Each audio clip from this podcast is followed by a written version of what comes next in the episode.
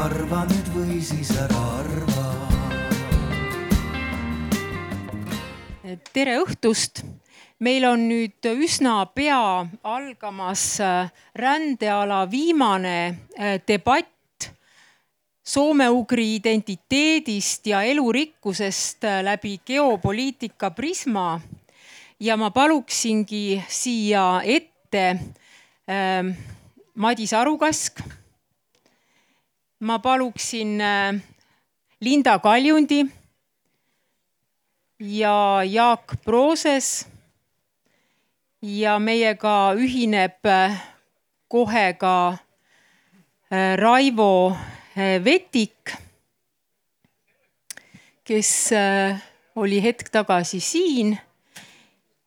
ja siin on vett võimalik võtta.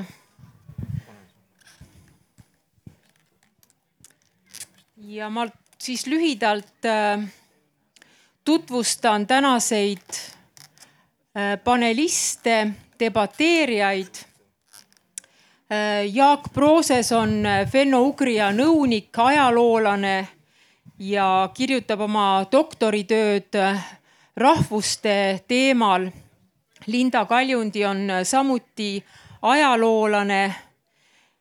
ja Madis Arukask on siis folklorist, kes on kirjutanud rahvausunditest, äh, teinud ka välitöid soome-ugrilaste juures ja peaks siis äh, eestluse ja soome-ugriluse äh, sidumisel olema selliseks etnoloogi pilgu esindajaks. Raivo Vetik on politoloog, kes toob meie debatti siis riikluse ja rahvuse mm, seosed. aga me võime vaikselt siis äh,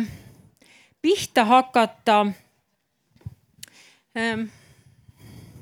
et meie tänane debatt siis äh, on rändealal ja kõigepealt ma ka tänan Tallinna Ülikooli äh, projekti Mirnet ja riigiteadlasi, et nad andsid fenno-ugriale selle suurepärase võimaluse haakida ennast äh, selle kõrgetasemelise, kõrgetasemelise mm, ala siis viimaseks äh, esinejaks. Äh, ja ühtlasi on see ka noh, mõnes mõttes loogiline, et me terve tänase päeva ju oleme rääkinud rahvustest,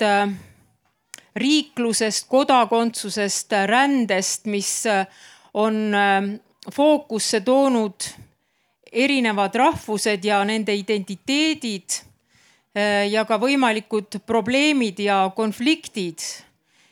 Ähm, uus geopoliitiline fookus on, on rahvuse teema toonud meile äh, argipäeva mm, siis nagu uue tähendusega. Me võib-olla oma sellises globaliseeruvas ähm, mm, Äh, tänapäevas äh, enne, enne siis eelmise kevade Ukraina äh, sõja algust ähm, olime võib-olla igapäevaselt nagu ähm, mitte võib-olla unustanud, aga, aga see ei olnud võib-olla iga päev aktuaalne, et kes on mis rahvusest, et tundus, et see maailm muutub üha siis globaalsemaks ja rahvuste äh, ülemõtlemine tundus kuidagi võib-olla selline, kas siis noh, akadeemiline harrastus või siis, või siis ähm, folklooriga seostuv, aga mitte selline igapäevane teema. aga geopoliitiline äh, reaalsus siis äh, tõi need teemad konfliktsena uuesti meie, meie argipäeva ja võib-olla ma annaksingi kõigepealt Raivo Vetikule sõna, et sa defineeriksid siis, mida see äh, rahvuslus sellises uues geopoliitilises fookuses võiks tähendada ja kuidas äh, seda seostada siis äh, sellise soome-ugrilisusega? aitäh. et ma ütleksin siis kõigepealt seda, et, et kui vaadata akadeemilist kirjandust rahvuse kohta, siis üks selline põhijäreldus on selline, et ei ole olemas ühte rahvuse definitsiooni. et rahvusest saadakse erinevalt aru erinevates riikides ja, ja ka ühe riigi erinevate gruppide poolt. et kui me võrdleme näiteks Eestit ja, ja ütleme Inglismaad või, või, või Prantsusmaad, et, et inglise keeles rahvus, me tõlgime sõnaga nation. ja, ja selles ingliskeelses sõnas nation ei ole olemas etnilist komponenti. Nation, rahvus on midagi sellist, mis ühendab palju erinevaid etnilisi gruppe Eesti keeles rahvus ja etniline grupp on, on sünonüümid, mis tuleneb nii-öelda meie sellisest kultuurilisest rahvusluse käsitlusest ja, ja rahvuse tekkimisest Vene impeeriumi äh,, äh, impeeriumi koosseisus. nii et äh, esimene punkt on see, et, et ei ole olemas ühte rahvuse definitsiooni, seda defineeritakse erinevalt sõltuvalt kontekstist ja tegelikult ka sõltuvalt poliitilistest äh, huvidest ja ja eelistustest. ja, ja kui Barbi küsis, et mida see praegusel hetkel tähendab, siis ma ütleksin, et, et Ukraina sõja kontekstis äh, rahvuse teema ikkagi tõuseb väga-väga võimsalt kesk, keskpunkti, et see politiseerub, et rahvuse teema käsitluse puhul tõusevad esile või on, on oht, et tõusevad esile äärmuslikud, äärmuslikud seisukohad ja, ja see on midagi, mida, mida, mida meil kindlasti tuleb äh, silmas äh, pidada. nüüd, kui, kui küsida soome-ugriluse seosest äh, sellega, siis minu arusaamine soome-ugrilusest on selline, et, et see täidab erinevaid funktsioone meie eestlaste soome-ugrilus, soome-ugriluse tunne täidab erinevaid funktsioone erinevates kontekstides et selline hästi suur üldistus oleks see, et, et kui me võtame nii-öelda eestlased ja Eesti väline maailm, mis ajalooliselt meie jaoks on olnud ühelt poolt kas Euroopa, Saksamaa, teised ja teiselt poolt äh,, teiselt poolt Venemaa. et siis soome-ugrilus on üks viis ennast maksma panna või oma olemasolu väärtustada võõrale vastu hakata. Ja, ja kui mõelda, mis funktsiooni soome-ugrilus võiks täita Eesti, Eesti sees, kui me ütleme, et meil on olemas e-, etnilised eestlased ja meil on olemas palju teisi, teisi äh, etnilisi gruppe, et siis soome-ugriluse funktsioon või, või seda ütleme, erinevad, erinevad ühiskonnasegmendid saavad sellest väga erinevalt aru, aga, aga põhimõtteliselt siis on küsimus ikkagi nii-öelda sellise tasakaalupunkti otsimisega meie avatuse ja, ja suletuse vahel, et ühelt poolt, eks ole, soome-ugrilus kuidagi intuitiivselt meie jaoks seondub meie päritoluga, meie kommetega, meie kultuuriga, mis noh, võib, võib, võib tunduda, et, et on midagi sellist, mis asetab piiri meie ja nende vahele. aga teiselt poolt võib soome-ugrilusele anda ka laiemat tähendust ja, ja, ja selle, selle artikli kirjutamise raames oli mul hea võimalus kogu see kirjandus üle vaadata ja mulle tundub, et, et Hasso Krull on autor, kes, kes lähtub sellisest avatumast soome ugriluse mõtestamisest, nii et meil on, meil on erinevad soome ugriluse käsitlused ja ma arvan, et see on väga hea, meil, meil peabki olema palju erinevaid soome ugrilusi soome-ugriluse käsitlusi. Et äh, soome-ugrilust on siis võimalik ka pidada nagu teatud funktsiooniks, et äh, me nagu ajame mingit asja selle soome-ugriluse kaudu. et kas on siis üks võimalik nagu vastupanustrateegia, et ta on olnud võib-olla lähiajaloos selline meie vastupanu siis äh, Nõukogude Liidus toimunud äh, protsessidele, nüüd ta võib-olla on vastupanu mingile globaalsele survele olla, olla siis äh, sarnane. Äh, aga ma pöörduksin nüüd Madise poole, et, äh, et ähm, kui me seda debatti ette valmistasime, siis sa ütlesid, et, et selline soome-ugriluse teema, et me oleme seda oma ajaloos nagu erinevalt kasutanud ja on teatud sellised ülevaatamise kohad, et võib-olla nüüd on üks jälle üks ülevaatamise koht, et et kuidas me seda äh, nagu soome-ugrilust äh, enda defineerimisel või teiste defineerimisel äh, võime siis kasutada. Jah, tõsi ta on, et äh, noh, võttes võib-olla sellise kiire ülevaate, siis äh, kindlasti kui, kui toimus Eesti ärkamisaeg ja ütleme, tänase Eesti kultuuri, modernse Eesti kultuuri tekkimine või, Eesti rahvuse emantsipeerumine, siis, siis soome-ugrilus oli kahtlemata üks neid komponente, millele see eestlaste uus enesetunne ka rajanema hakkas. tõsi, üheksateistkümnendal sajandil ta suuresti oli loomulikult see Soome sild, just äh, Soome kui lähedal olev suurem, suurem sugulasrahvas, äh, kelle loost oli väga palju õpetlikku üle võtta ja mis oli väga inspireeriv igal juhul, aga aga jah, järk-järgult on äh, laienenud kahekümnenda sajandiga siis teadmine ka nendest väiksematest idapoolsematest, hoopis teises ajaloolises ja kultuuriruumis elanud ja elavatest äh, hõimurahvastest. Ja, ja nagu sa siis ka ütlesid, tegelikult tõesti, et äh, kui me räägime nüüd seda juttu kõike siis eestlaste perspektiivist, siis äh,, siis soome-ugrilus on üks asi, millega me ennast peegeldame enda rahvuslikke tundeid, meeleolusid äh, erinevates äh, kontekstides, erinevatel hetkedel um,. Mul on eriti nagu, kuidas öelda, et kuna ma ise olen väga palju uurinud Venemaa soome rahvaid, siis mul tegelikult on üsna keeruline võtta sellist eestlase positsiooni selle teema suhtes. aga, aga noh, ma siiski arvan, et ma ei eksi, kui ma ütlen, et see soome-ugrilus eestlase jaoks on suuresti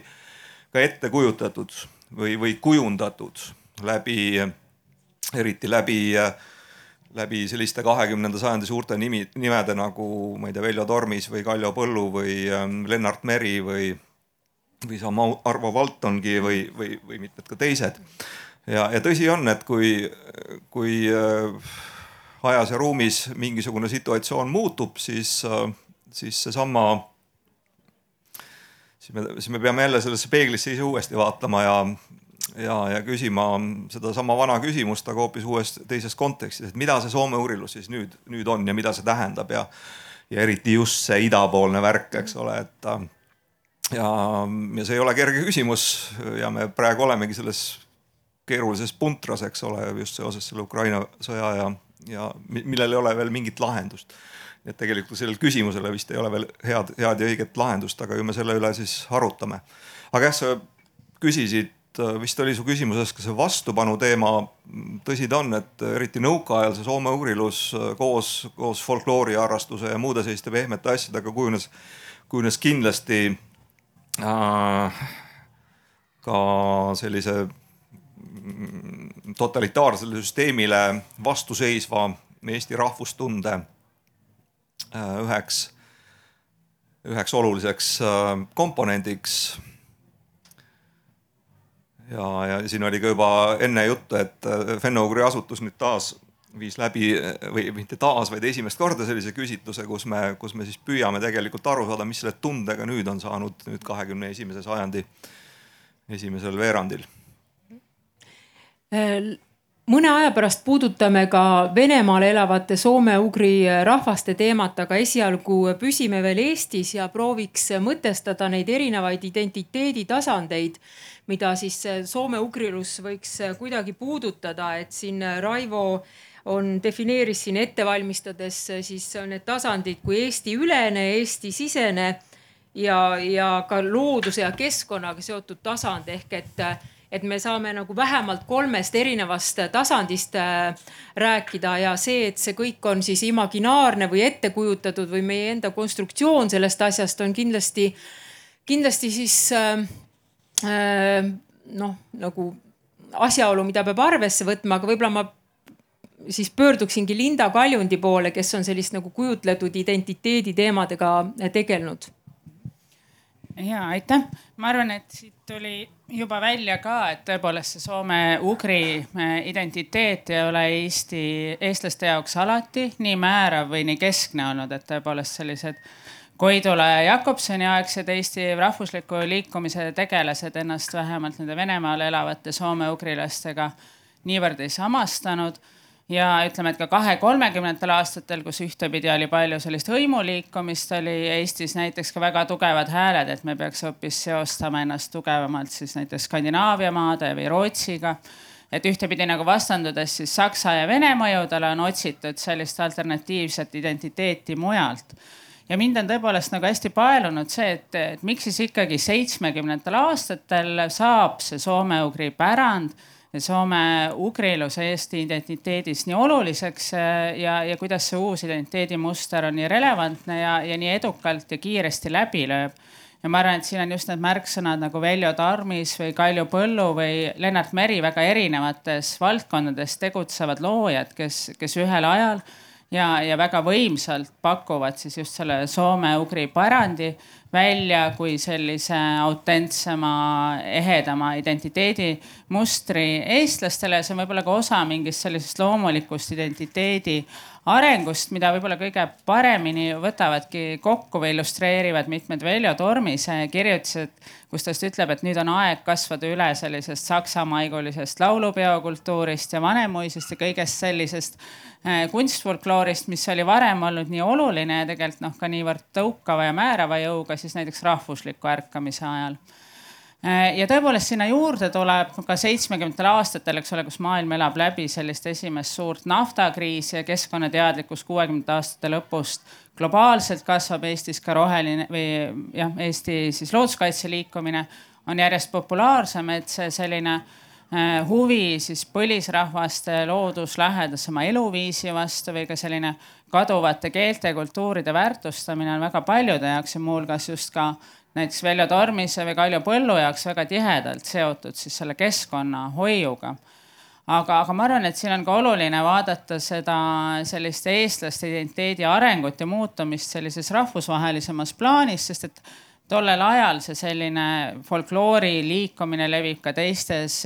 liiduvabariikides, Lätis, Leedus või ka Venemaal räägitakse sellest rustikaalsest pöördest, et seda on viimasel ajal üsna palju uuritud, et see selline rahvakultuuri väärtustamine, muinsuskaitse liikumine, looduskaitse liikumine, et ta levib tegelikult tollel ajal väga laialt just reaktsioonina siis sellisele noh, globaalprobleemide, keskkonnakriisi, aga ka teatud sellise kultuurikriisi tajumisele ja ma arvan, et on just huvitav vaadata neid eestlaste identiteedi otsinguid ja sellist nagu soome-ugri pärandi väärtustamist sellises laiemas kontekstis. aga et eks siit koorub välja ka see, et nende põlisrahvaste poole on pöördutud seitsmendal aastatel või ka muudel sellistel kriisihetkedel selleks, et otsida lahendusi oma probleemidele. ja siis teine küsimus on see, et kui me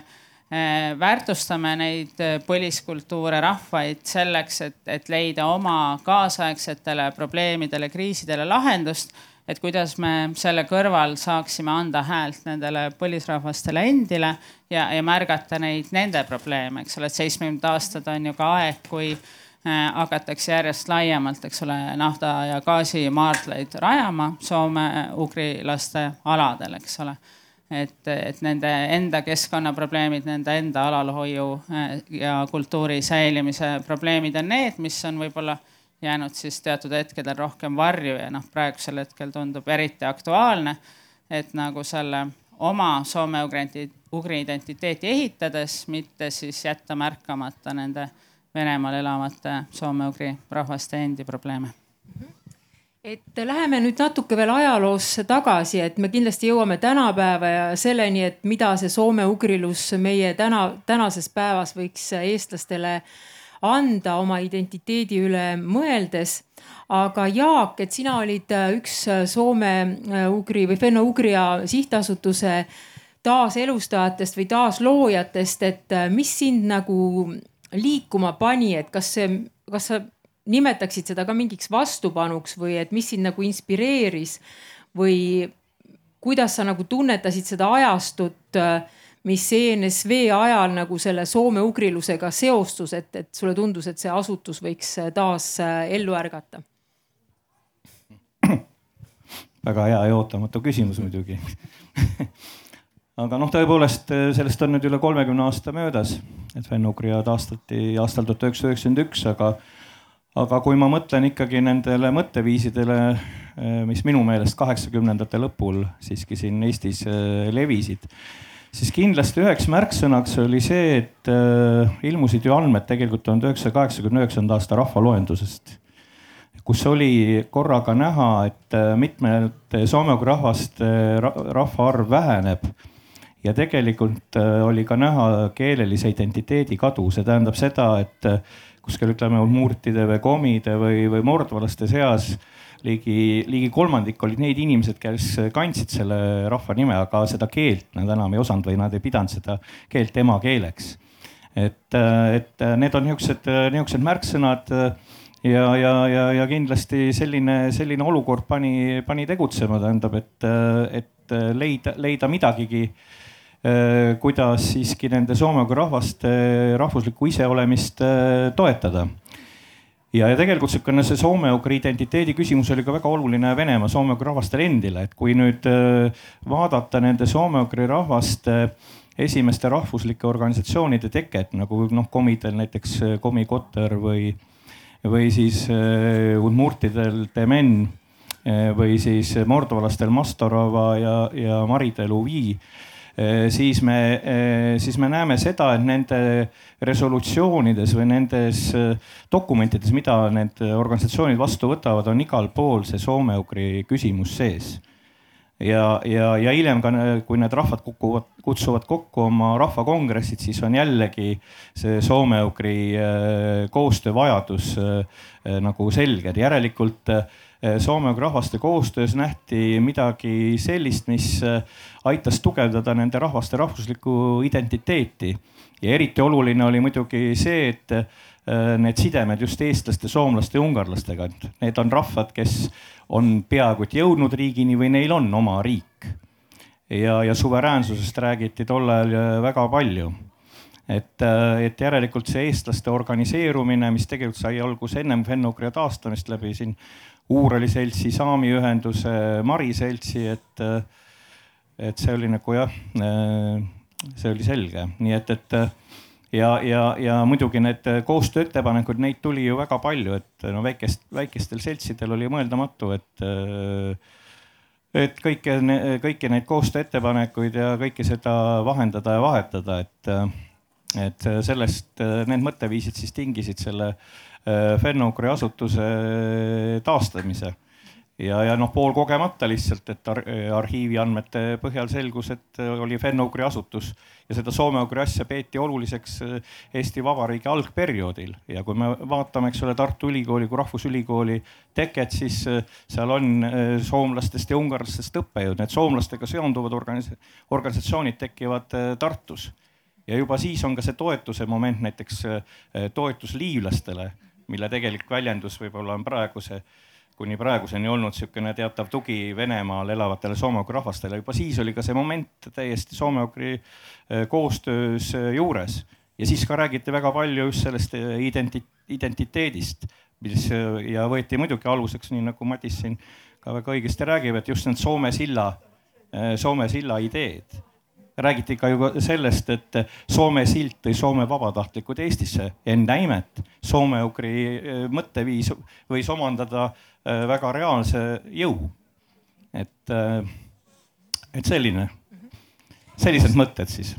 et Soome on kindlasti omaette suur alateema, aga ma hüppaksin korra uuesti kaheksakümnendatesse ja üheksakümnendatesse, kui soome-ugri asjaajamine oli kindlasti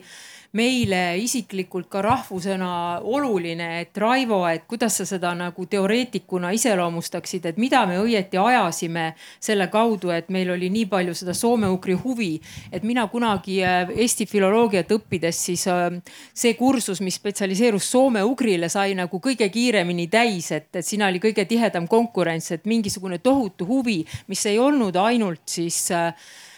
keelehuvi ega kultuurihuvi, vaid seal on kogu aeg olnud mingisugune poliitiline asi taga, minu tunnetuse järgi. jah, ma olen sellega, sellega nõus, et äh, Soome uurilus on ühelt poolt teatud tunne, teatud äh, kuuluvuse tunne, teatud kultuuri tähenduste tunne, aga teiselt poolt on ikkagi ka osa sellisest laiemast sotsiaalsest elust ja, ja, ja poliitilisest elust ja, gruppidevahelisest suhtest ja indiviidi ja riigi vahelisest suhtest ja Nõukogude Liidu kontekstis väga-väga selgelt oli vastupanu strateegia. et, et minu arvates Linda on, on, on seda väga, väga ilusti analüüsinud ja, ja, ja, ja näidanud, et, et kuidas väga, väga erinevates valdkondades, eks ole, lõpuks jõutakse ikkagi nii-öelda oma hääle väljatoomise ideeni ja, ja selline vastandumise, vastandumise ideeni, nii et ütleme, sel ajal see oli selgelt äh, vastandumise idee, aga nüüd meie selle uuringu kontekstis ma väidaksin, et äh, et kui võtta, eks ole, mõned andmed, mis meil sealt siis nagu välja tuli, eestlaste huvi äh, soome-ugri väikerahvaste vastu, vastu Venemaal. et ma väidan, et, et ka see on teatud selline meie nii-öelda vastupanu,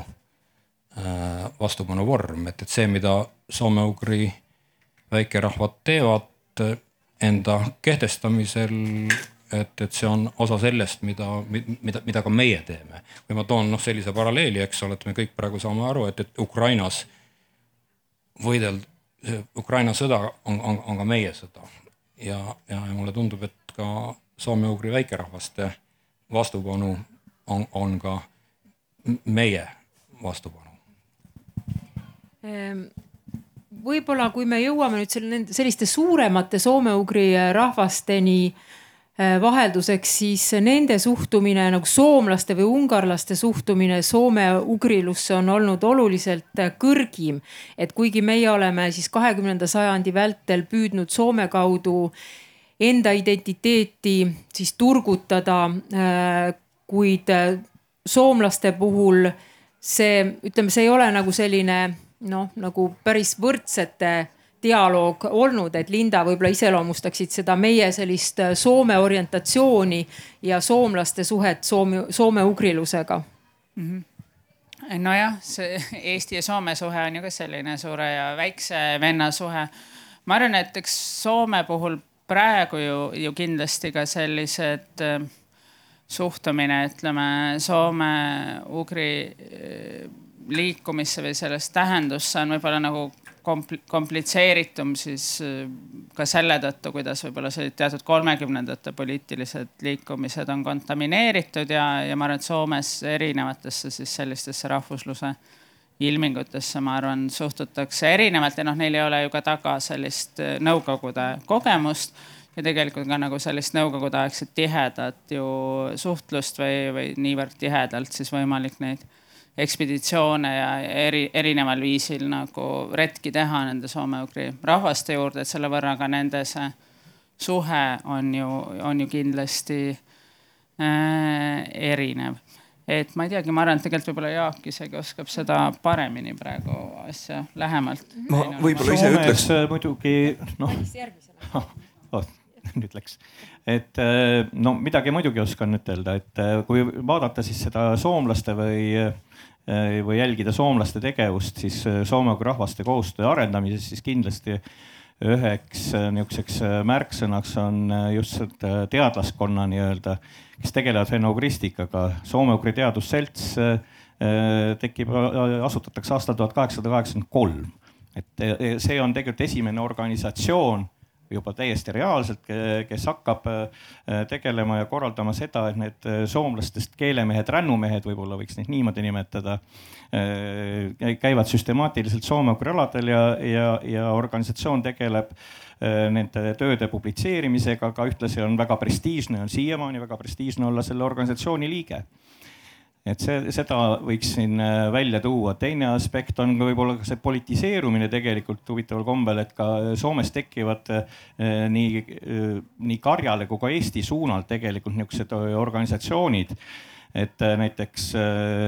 siis tuhat üheksasada kuus Tamperes asutatakse siis Veena-Karjalaste Liit et ühest küljest küll, et tõepoolest selle tuumik olid, olid karjalased, karjalased rännumehed, äh, kaupmehed, harjuskid omamoodi, ütleme niimoodi, aga nad, äh, aga, aga liikmeskonnas on enamik on soomlased. Ja teine, mis organisatsioon, mis tekib täpselt samal ajal, tuhat üheksasada kuus, on tegelikult Soomale Suuden Liit või Soomluse Liit, mis juba, juba hakkab ka rääkima nendest eestlastest, et me peame noh,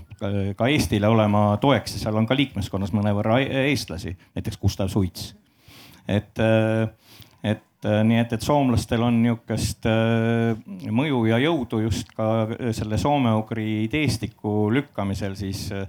kahekümnenda sajandi esimestel kümnenditel eriti pärast tõsi küll jah, nõukogude ajal ja nii edasi, aga see on juba teine aeg. Soome roll muutub teistsuguseks ja no ise, ise me teame, mis, mis ajad siis saabusid peale,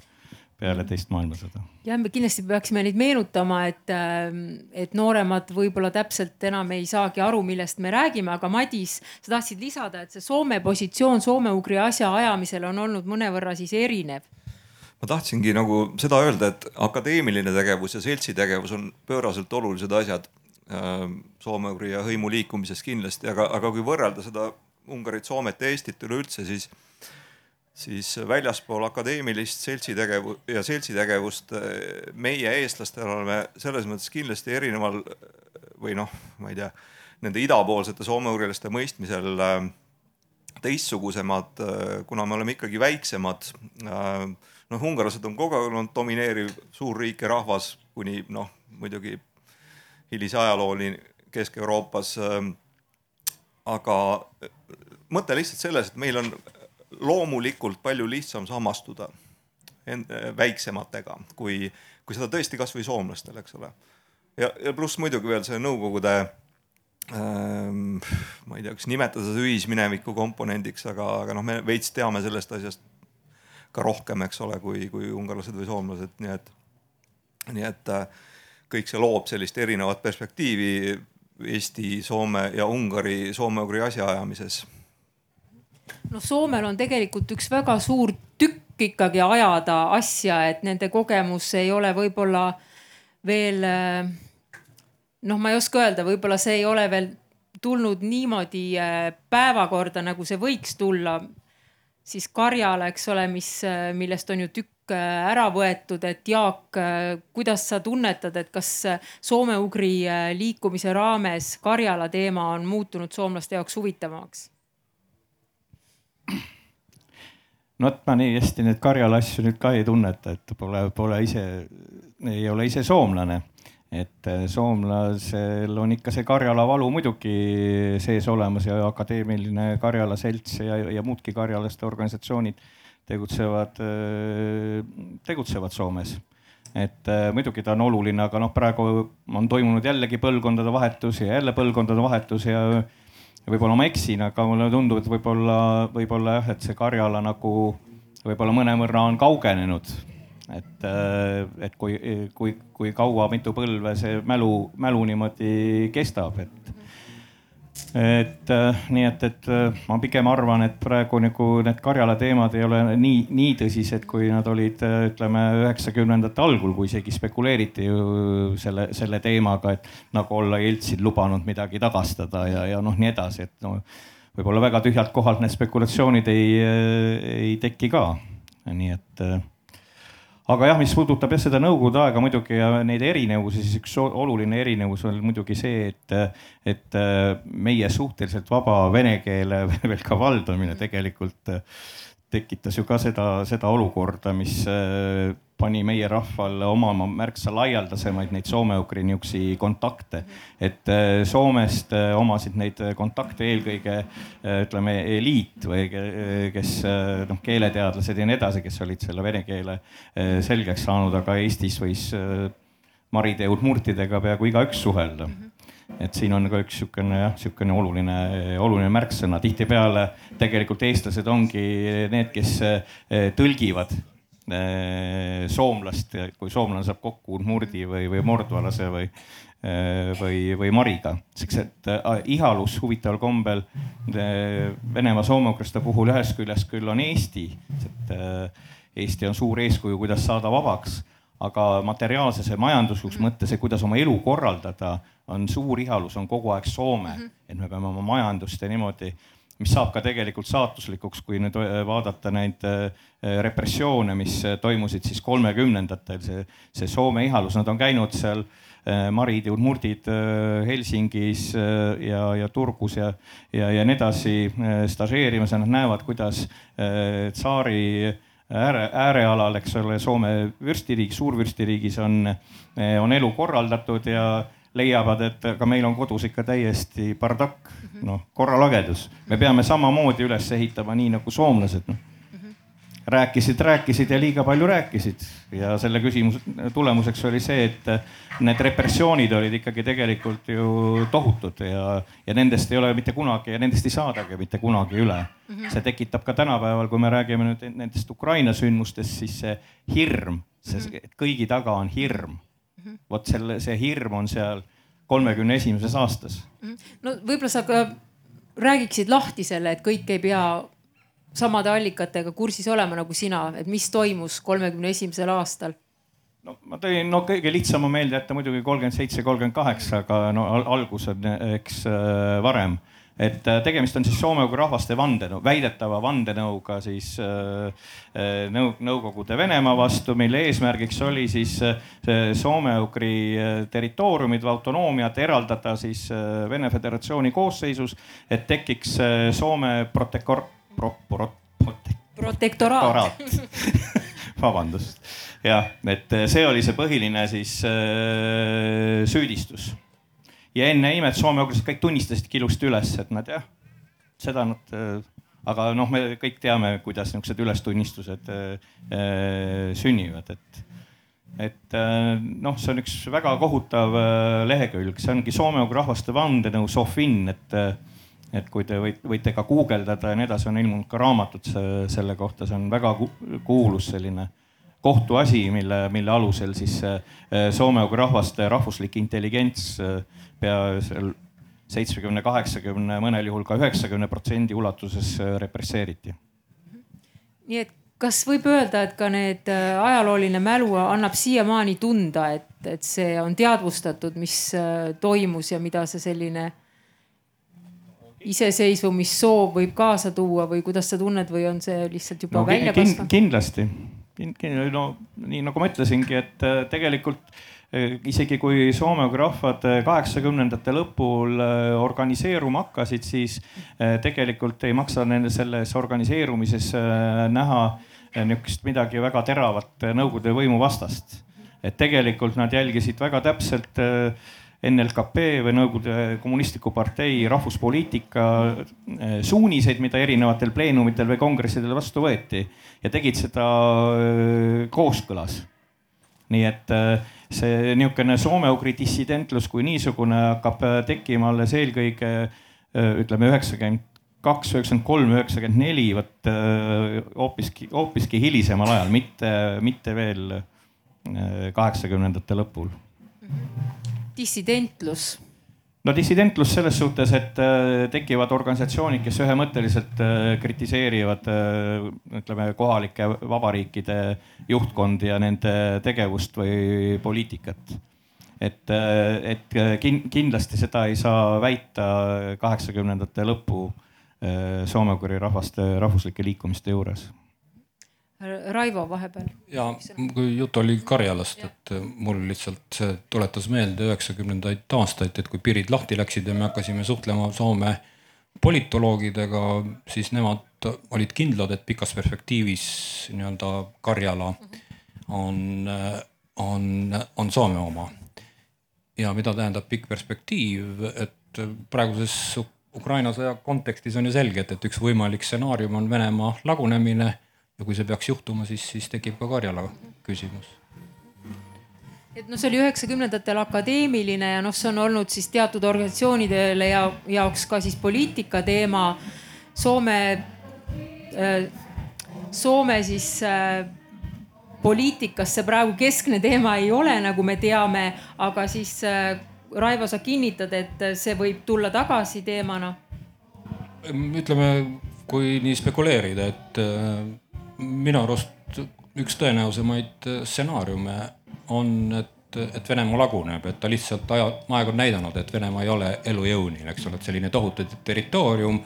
see valitsemise vorm, mis seal valitseb, et noh, aeg on praegu lihtsalt teine, et need üheksateistkümnenda sajandi meetodid, et nendega ei ole võimalik pikalt, pikalt vastu panna, et Venemaa lihtsalt mandub. et, et milleks kaug, Kaug-Idale on vaja, eks ole, Moskvat, et tal on, tal on majandussidemed Hiina Lõuna-Korea, Jaapaniga ja nii edasi, et, et need on noh, niivõrd erinevad, erinevad piirkonnad, et lihtsalt selline politoloogiline spekulatsioon, et, et Venemaal sellise, sellise riigi, riigikorralduse puhul tulevikku ei ole, et hästi-hästi tõenäoline stsenaarium on Venemaa lagunemine ja sel, selles kontekstis, eks ole, nüüd Karjala tuleb uuesti, uuesti päevakorda jääme seda päeva ootama, aga seniks võime ka Ungarist rääkida, et Ungari on kujutanud endast alati nagu natuke sellist kõrki äh, siis hõimurahvast, kes, äh, kes võib-olla ei taha alati seda hõimu teemat äh, ajada, et kuigi nad noh, vastastikused suhted on, on olnud siis igatepidi huvitavad ja rikkalikud ja, ja et mis on selle Ungari iseärasus soome-ugri liikumises, et võib-olla Madis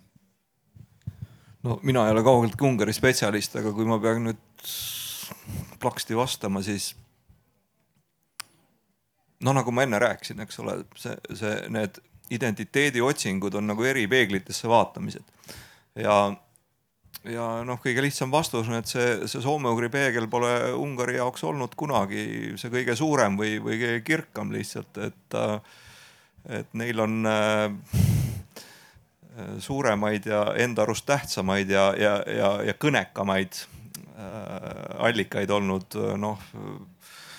alates äh, seesama suurriiklik imperiaalne minevik või ma ei tea, kas nüüd öelda alates, aga noh, see, see üks komponent kindlasti, aga, aga kui minna ka sellisele etnilisele minevikule või selle juurde, siis, siis noh, on selge, et ungarlaste idast läände jõudmine on toimunud sootuks teist teed pidi ja teisel ajastul ja, ja teis, teises kontekstis äh,, ajaloolises kontekstis ja ka kultuuri kontekstis, nii et äh,, nii et selline põhjarahva karge imidž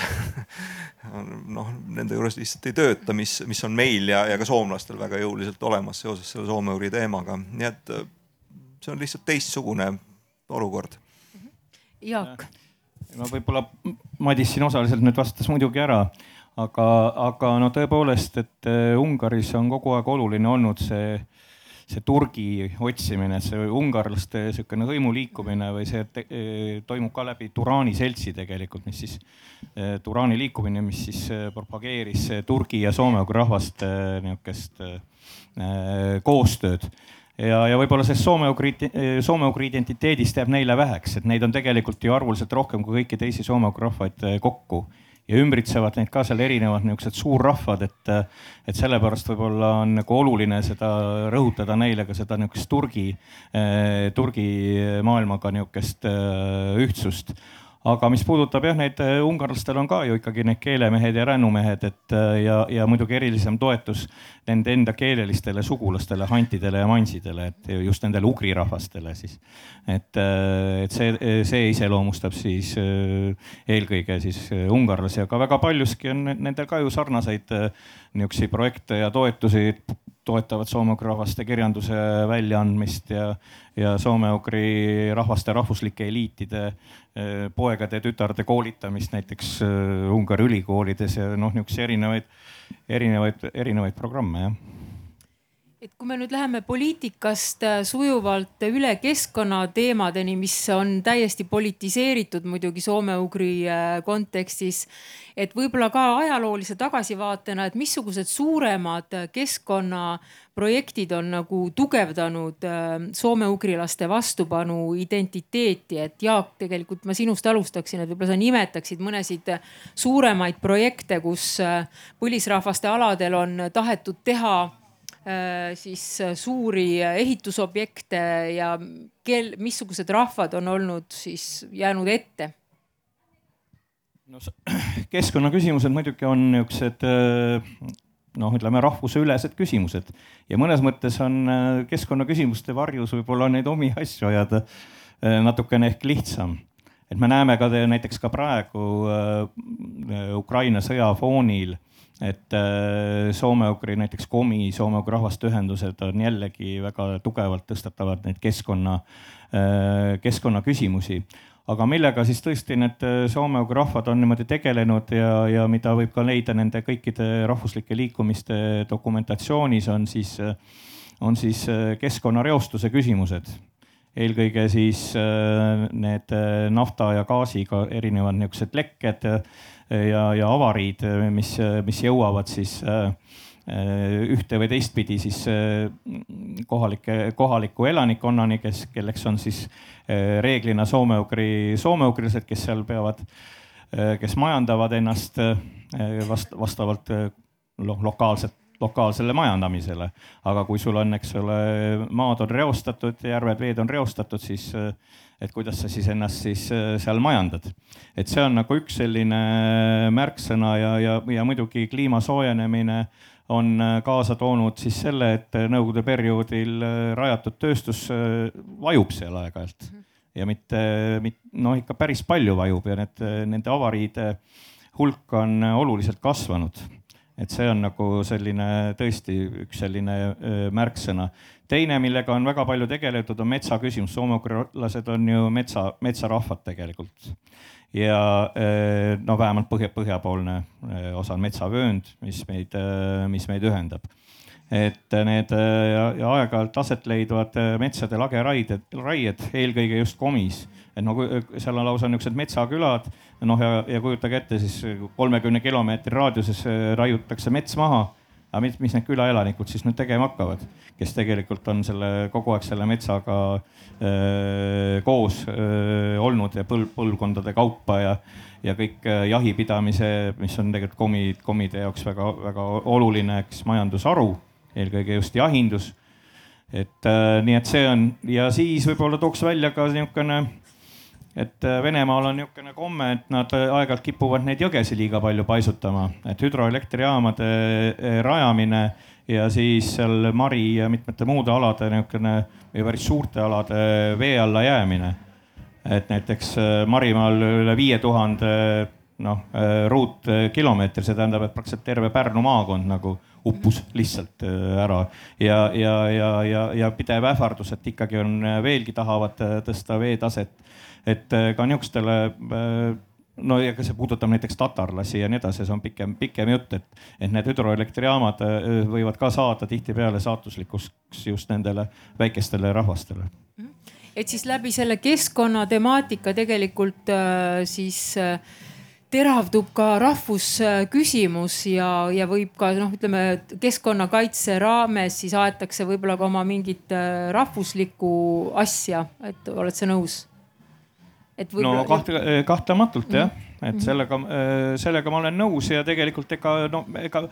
ega meie isegi ju, kui me vaatame, siis mis ikkagi aastal tuhat üheksasada kaheksakümmend seitse mhm. toimus, fosforiit ja nii edasi, et kas see oli juhus? Ja. Nii et ka see on ka üks niisugune ka meie endi rahvuse loome ja, ja kogu selle politiseerumise taga või taustal kumavad rohelised teemad. Mhm. et võib-olla Madis, et kuidas siis selline keskkonnatunnetus ja, ja rahvustunnetus on seotud soome-ugrilaste puhul, kas see on midagi erilist või, või, või on see ikkagi kõikide selliste põlisrahvaste äh, iseloomulik joon? ma ei, ma ei oska nüüd öelda kõikide eest, aga, aga ta kipub olema küll tõesti nii, et äh, kuna ütleme siis see, see on jah, pigem globaalne trend, et äh, põlisrahvaid võetakse, kiputakse võtma nii, äh, nii põhjusega kui, kui ka patroneerivalt lihtsalt looduse osana või osana sellest ressursist. see on väga iseloomulik ka soome-ugri rahvastele, väiksematele ma pean siis silmas ja ja siit äh, tulenevalt on, on täiesti loomulik, et äh, põlisrahvad saavad ka, kui hakatakse looduskeskkonda muutma esimest, esimestena ja üsna fataalselt äh, sellega pihta. see ei ole sugugi muidugi iseloomulik ainult soome rahvast, see on täpselt nagu noh, ma ei tea, India adivasi põlisrahvad, sama lugu, eks ole, et riik püüab kogu aeg tulla lähemale, pakkuda nii-öelda soodsaid majandusprojekte, mille hind on see, et me võtame teilt siit hunniku metsa maha või või ehitame teie jõele mingisuguse tammi ja värgi, aga teie saate elektrit, eks ole, siis, siis need väiksed äh, rühmad on pandud sellisesse kahvlisse, kas minna sellele liimile või, või, või hakata vastu võitlema ja, ja see on, see on väga, väga levinud muster, mitte ainult loomulikult kahekümne esimesel sajandil, vaid, vaid ammu-ammu varem. ja see on jälle üks asi, mis on meile ka väga hästi mõistetav, eks ole, hiljemalt kasvõi fosforiidisõjast ja puha-puha, nii et, nii et ähm, iseasi küsimus muidugi on äh, spekulatsioonid, teooriad või, või mõelda tahtmised, et siin on midagi essentsialistlikku, eks ole, soome-ugri rahvaste ja loodustunde vahel või, või eestlaste ja metsa, metsa vahel või, või ja nii edasi, nii edasi, neid näiteid, et ähm, äh, seal nüüd tuleb jällegi, tuleb jällegi mängu nüüd see kultuuri komponent või kultuurilise mõtlemise komponent ja ka ettekujutamise komponent mis ei ole samas jällegi identiteedi puhul sugugi vähetähtis asi. Et võib-olla Linda, et sellest patroneerimisest, et me kuidagi tahaksime, et need põlisrahvad oleksid nagu sellised, nagu nad on olnud äh, siis sajand tagasi, kaks sajandit tagasi ja me nagu äh, romantiseerime ja idealiseerime seda ja noh, juhul kui nad tahaksid olla hoopis teistsugused, siis, äh, siis meil on kuidagi kahju või, või et võib-olla sa puudutaksid seda nojah, ma arvan, et eks meil kõigil siin on märksa mugavam olla, eriti praegusel hetkel soome-ugrilane, eks ole, kui mõnel Venemaal elaval soome-ugrilasel. ja, ja kindlasti eestlased, soomlased, ungarlased on saanud läbi kahekümnenda, kahekümne esimese sajandi moderniseeruda, areneda selliseks läänelikuks Euroopa Liidu liikmesriigiks ja samas evida sellist justkui nagu põlisrahva identiteeti, mida selle täiuslikkuses, eks ole, peaks siis kehtestama või kehastama need eh, kaugemal elavad soome-ugri rahvad, seda vist kõige ilmekamalt üks tuttav Soome regilaulu uurija kirjeldas hästi, et kuidas kahekümnenda sajandi alguses soomlased käisid siis Karjalas laulu üles kirjutamas. Ja olid väga pahased, kui need karjalased tahtsid samamoodi moderniseeruda ja laulda moodsamaid laule. aga need soomlased ei mõelnud, et nemad ise olid juba ju ammu moderniseerunud ja elasid linnas, eks ole, ja käisid selle eh, ekspeditsioonidel nendes külades aga noh, et, et see, see, ma arvan, see muster on täheldatav ka paljude teiste eh, rahvaste juures. ja ma arvan, et me näeme seda võib-olla ka seitsmekümnendatel aastatel tõesti, kus keskkonnaliikumine, looduskaitse liikumine Eestis levib järjest laiemalt, tegelikult ka levib laiemalt see, nagu Madis nimetas seda eestlased kui metsarahvas, et ka selline metsarahva identiteet ja, ja looduse teistmoodi väärtustamine levib laiemalt, kuna tõepoolest, eks ole, ka globaalsed keskkonnaprobleemid muutuvad järjest tõsisemaks, nendest räägitakse järjest rohkem ja, ja kui te mõtlete võib-olla ka mingit Kaljupõllu piltide peale või võib-olla natuke vähem Lennart Meri filmide peale, et see, mida sealt soome-ugrilaselt oodatakse, on ka sellise ideaalse harmoonilise loodussuhte kehastamine ja elamine ikkagi sellises pisut arhailisemas minevikus, lähedasemas suhtes äh, loodusega, mida noh, jälle sellisel moderniseerunumal eestlasel on, on väga mõnus kujutada oma identiteedi osana ja, ja noh, et ma arvan, et see ei ole ka midagi, mis oleks kuidagi nagu hukkamõistmist vääriv, aga, aga et võib-olla sellistest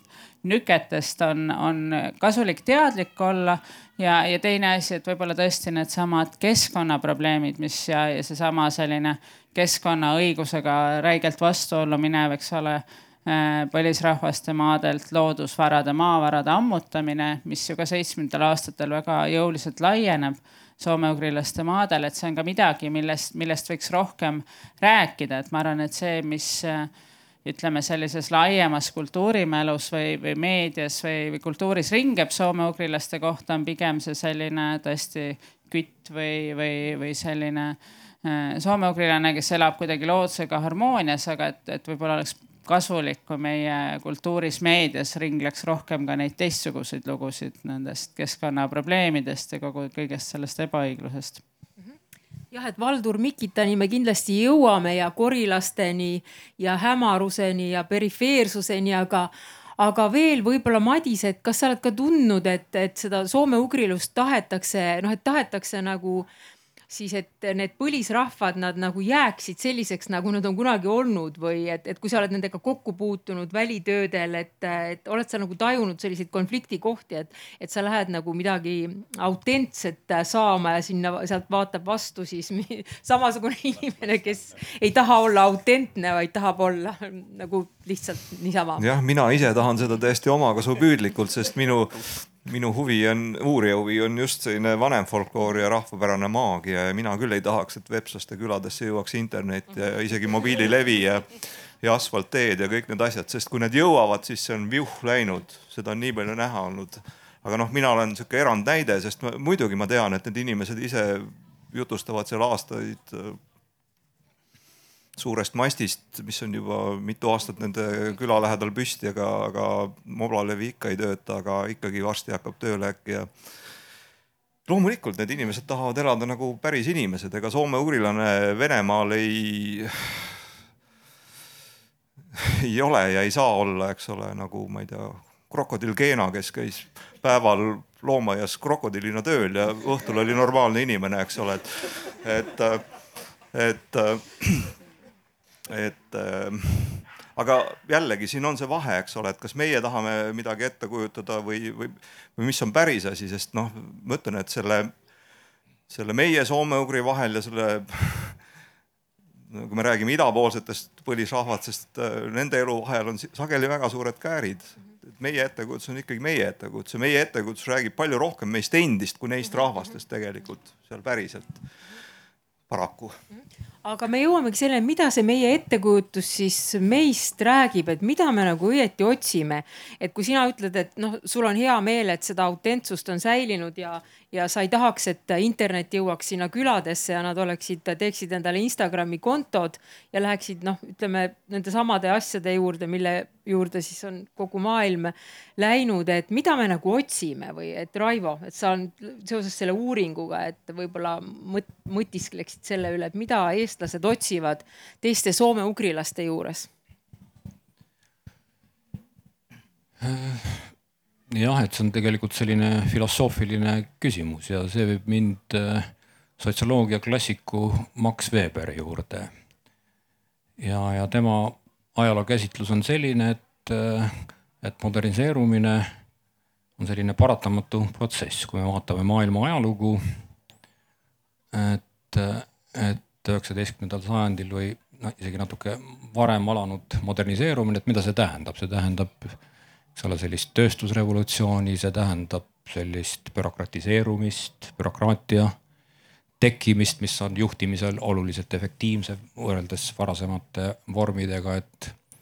et see tähendab kõige ratsionaliseerumist. et inimene koosneb kahest osast, et üks on mõistus ja teine on emotsioonid. ja kui me mõtleme sellise laiema ajaloolise arengu peale, siis võib ette kujutada niimoodi, et, et kuidagi mõistuse roll on, on pidevalt suurenenud ja see oli Max Weberi selline põhiline nii-öelda ratsionaliseerumise tees. aga tema lõppjäreldus oli see, et eks ole, et me tegelikult oleme jõudnud ja seda ta rääkis juba kahekümnenda sajandi alguses. et me, lääne ühiskond tegelikult on jõudnud nii-öelda raudpuuri. et me oleme kõik kuidagi väga täpselt ära piiritlenud, ratsionaliseerunud ja, ja meie elust kaob, kaob ära emotsioon ja siis tekib küsimus, et kas me sellist, sellist elu tahtsimegi. ja mulle tundub, et järsku Soome ugrilus täidab ka teatud sellist nii-öelda emotsiooni rolli, et see annab meile tunde, et me oleme nagu päris, päris inimesed, et me ei ole masinad. et, et meis, meis on midagi, midagi ürgset, et elus on midagi tähtsat lisaks, lisaks ka ütleme sellisele kasumile ja, ja, ja sellistele ütleme modernse ühiskonna asjadele. nii et äh, mul, mul on selline tunne, et, et meil soome-ugrilust on vaja lisaks kõigele muule, lisaks ütleme poliitilisele vastupanule ja, ja sellele ka inimeseks olemiseks et see on siis just nimelt see ettekujutus soome-ugrilusest, mida, mis me oleme endale loonud, mida me vajame selleks, et äh, tunda ennast selles raudpuuris nagu inimesena. et siis mit, mitte mingi päris soome-ugrilus, mida ongi vist raske ette kujutada, vaid see, mida me oleme konstrueerinud endale siis enda identiteedi jaoks no aga see ongi päris soome-ugrilus mm, -hmm. tähendab, eks ei, ei saa, eks ole, vahet teha, et üks on päris ja, ja teine on nii-öelda konstrueeritud. et see, mida me konstrueerime, ongi päris, päris. Äh, Madis, kuidas sina siis tunnetad seda, et mis asi see nüüd siis on, et millest see soome-ugrilus, mille me oleme endale siin välja mõelnud, äh, koosneb, mis need märksõnad on? kui, kui siin meietavas vormis rääkida, meie kui eestlased, ma mõtlen nii-öelda eest, eestlase keskselt, siis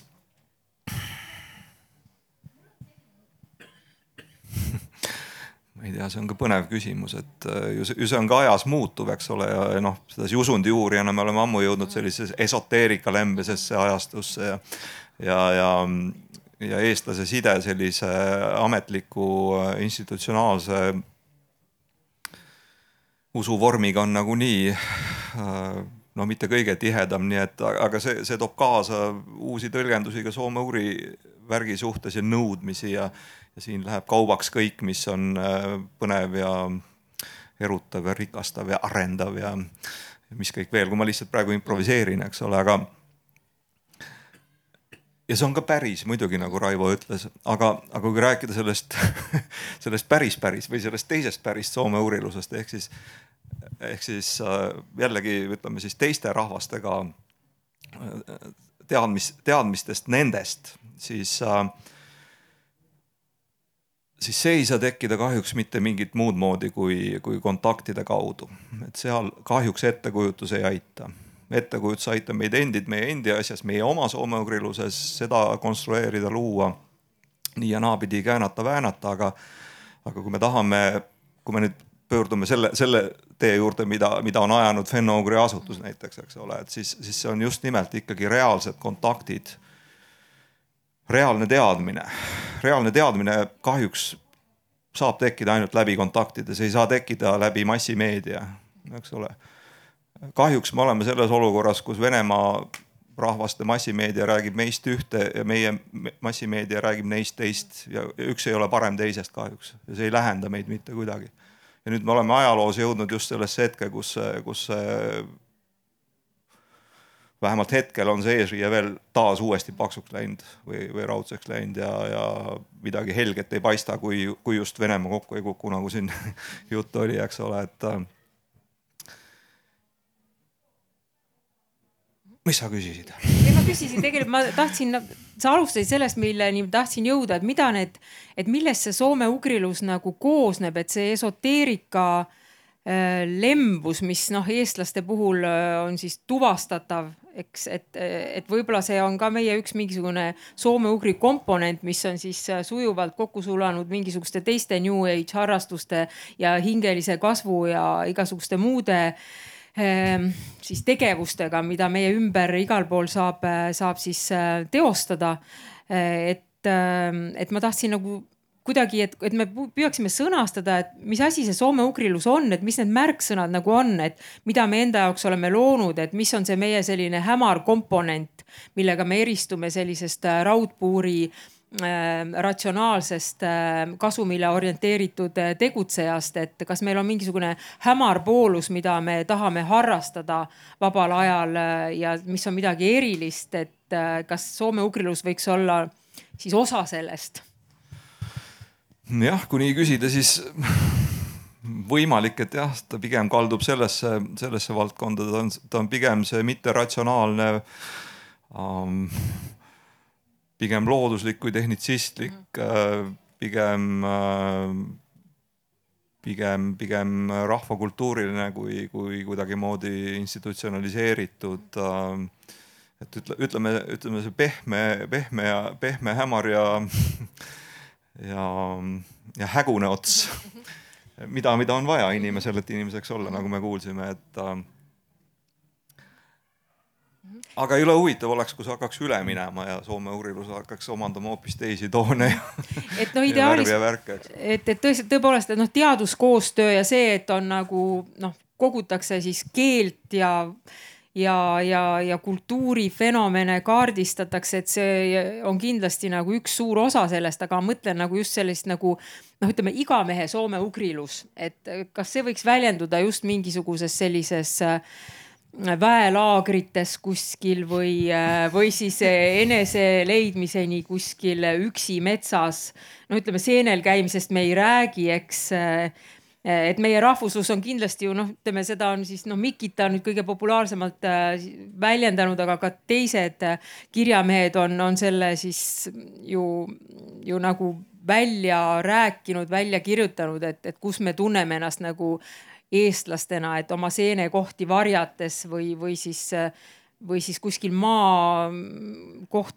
äh, loodusega rin, rinda pistes, et, et võib-olla sellised hetked nagu, mis on unikaalsed, mida siis äh, sellises ära kulturiseeritud Euroopas ei ole võimalik kogeda enam tasuta. et Linda ma arvan, et tõesti õige on see, mis Madis enne ütles, et see on äh, ka väga palju muutunud, kuidas eestlased on sellist soome-ugrilust enda jaoks defineerinud või kuidas nad seda on praktiseerinud. ma arvan, et seda on, äh, dünaamikat on hea näha, kui võrrelda näiteks Lennart Meri ja Mikita raamatuid just nimelt, et mul on endale torganud Mikita raamatute puhul küll silma, et see tähendab sellist võib-olla isegi mitte liiga paksus metsas seenel käimist äh, ja, ja suhteliselt selliseid lihtsaid igapäevaseid praktikaid, mis konti ei murra. Eh, aga, aga pakub samas sellist lohutavat identiteeti või lugu ja, ja Lennart Meri tekstid, eks ole, märksa tihkemad ja, ja ma arvan, et kui Mikita raamatutes tõesti, et seal nagu noh, maja tagant nagu lii, liiga kaugele sihukesesse ür, ürgloodusesse ei ole vaja pugeda. aga mis neid mõlemad ühendab minu meelest nii sellist Mikita-aegset soome-ugriluse loo jutustamist kui, kui Lennart Meri aegset on see, et ta peab nagu ta suhestub ikkagi sellise mingi globaalsema keskkonnakriisi mm -hmm teadvustamisega, et see motiiv jookseb Mikita teostest väga selgelt läbi, Meri raamatutest võib-olla vähem, aga ütleme, Meri kaasaegses tormis, eks ole, näiteks on väga aktiivselt suhestub looduskaitse tegevusega. Ja see võib-olla haakub sellega, millest Raivo enne rääkis, eks ole, et tõesti see, et me vaatame nende põlisrahvaste ja kultuuride poole oma sellistel kriisihetkedel või, või probleemide tajudes, eks ole, nii tõepoolest nagu ka kahekümnenda sajandi alguses, eks ole, et kui Euroopa seisab või ka Ameerika silmitsi sellise linnastumise ja, ja tööstuse ülikiire arenguhetkedega, et siis ju Paul Gauguin teeb, maalib Tahitilas, üks nendest maalidest kannab nime, et kes me oleme kust me tuleme, kuhu me läheme, et seitsmekümnendatel me näeme, et Kaljo Põllu valmistab samasuguse graafilise lehe siis soome-ugri ainetele, et see on ikkagi jah, sellise oma, oma, äh, oma kriiside tajumise ja ütleme, et siis sellisest autentsest, äh, sügavalt äh, juurtega minevikku tajutavast kultuurist lahenduste otsimine tegelikult ka enda tuleviku jaoks. jah, ma olen Lindaga väga päri, tähendab, et et äh, tõesti just nendel kriisi mingitel hetkedel need soome-ugri teemad nagu äh, ujuvad nagu esile. Ja võib-olla see on mingi niisugune ka väikese oma rahva niisugune kontekst, et äh, korraga soome-ugri rahvaste abil me mõtleme kuidagi ennast alateadvuselt suuremaks. et me, me ei olegi nii väikesed. Et me oleme suuremad ja kui kaardile vaadata, siis võib-olla meie, meie kultuuriruum on ikkagi vägagi suur, et võib-olla ka Uurali mägedeni välja, et no kuule, me ei olegi nii või siis teine asi ka see ajalooline nagu see sügavus, et, et teiste soome-ugri rahvaste abil me rändame kuhugi kaugesse minevikku ja võib-olla romantiseerime ja mütologiseerime seda ja ammutame seda, seda ajaloolist äh, sügavust. et see tuleb ka seal äh, nii, nii kahekümnendatel aastatel kui üheksateistkümnenda sajandi lõpul kõik need niisugused mõtteviisid enda suureks, suuremaks mõtlemisest ja meie kultuuriruumist kuni Uuraliteni et seal on see, need, need, need kohad ja noh, kindlasti soome-ugrilaste puhul on muidugi see ikkagi see keelesuguluse fenomen. et äh, on isiklikult, ma olen Nõukogude armees teeninud ja, ja, ja mingite uskumatult krokodillidest seersantidega, kes on avastanud, et nad on Ersa või, või, või Udmurt korraga krokodillisse, eks ole, täiesti noh niisugune tore karvane elukas. et, et, et see keel võlub et, äh, et ikkagi need, need keelejuured ikkagi mõjutavad äh, mingeid, äh, mingeid mõtteid, mõtteviise, et me võib-olla seal Ukraina sündmuste kaustal, eks ole, ütleme, no näed, vend peaaegu et sõib venna vastu, eks, aga, aga, aga siiski sellel keelelisel sugulusel ja sellel lähedusel on eri, eriline, eriline võlu ja mõju ja seda võivad kinnitada kõik, kes siin soome-ugri aladel on, on käinud ja noh, ja muidugi see romantiseerimine, et ma nagu millegipärast praegu tuleb ette see eh, Mihkel Veske oli eh, aastatel tuhat kaheksasada kaheksakümmend kuus kuni üheksakümmend Kaasanis õppejõud ja ta kirjutas nendest soome-ugri rahvastest eh, siin no, oma selles ajalehes, see oli Oma maa või, või oli Meie maa. Täpselt ma praegu ei mäleta, aga mida ta kirjutab, ta kirjutab korraga, et, et kuidas ta viibib Maride niisuguses pühas lehes alus, kuidas tuuakse ohvreid ja mõtle. ma rändan kaugesse minevikku, ma lähen aega, mis on enim ristirüütleid. Sakslane on tegelikult põhiline vaenlane, no eriti veel muidugi Mihkel Veske, kes oli, eks ole, Jakobsoni mees tegelikult et äh, ja, ja, ja romantiseerib ja nii edasi ja, ja, ja leiab, et läbi, läbi soome-ugri rahvaste me võime ajaliselt rännata. ja see nagu ajas rändamise moment on niisugune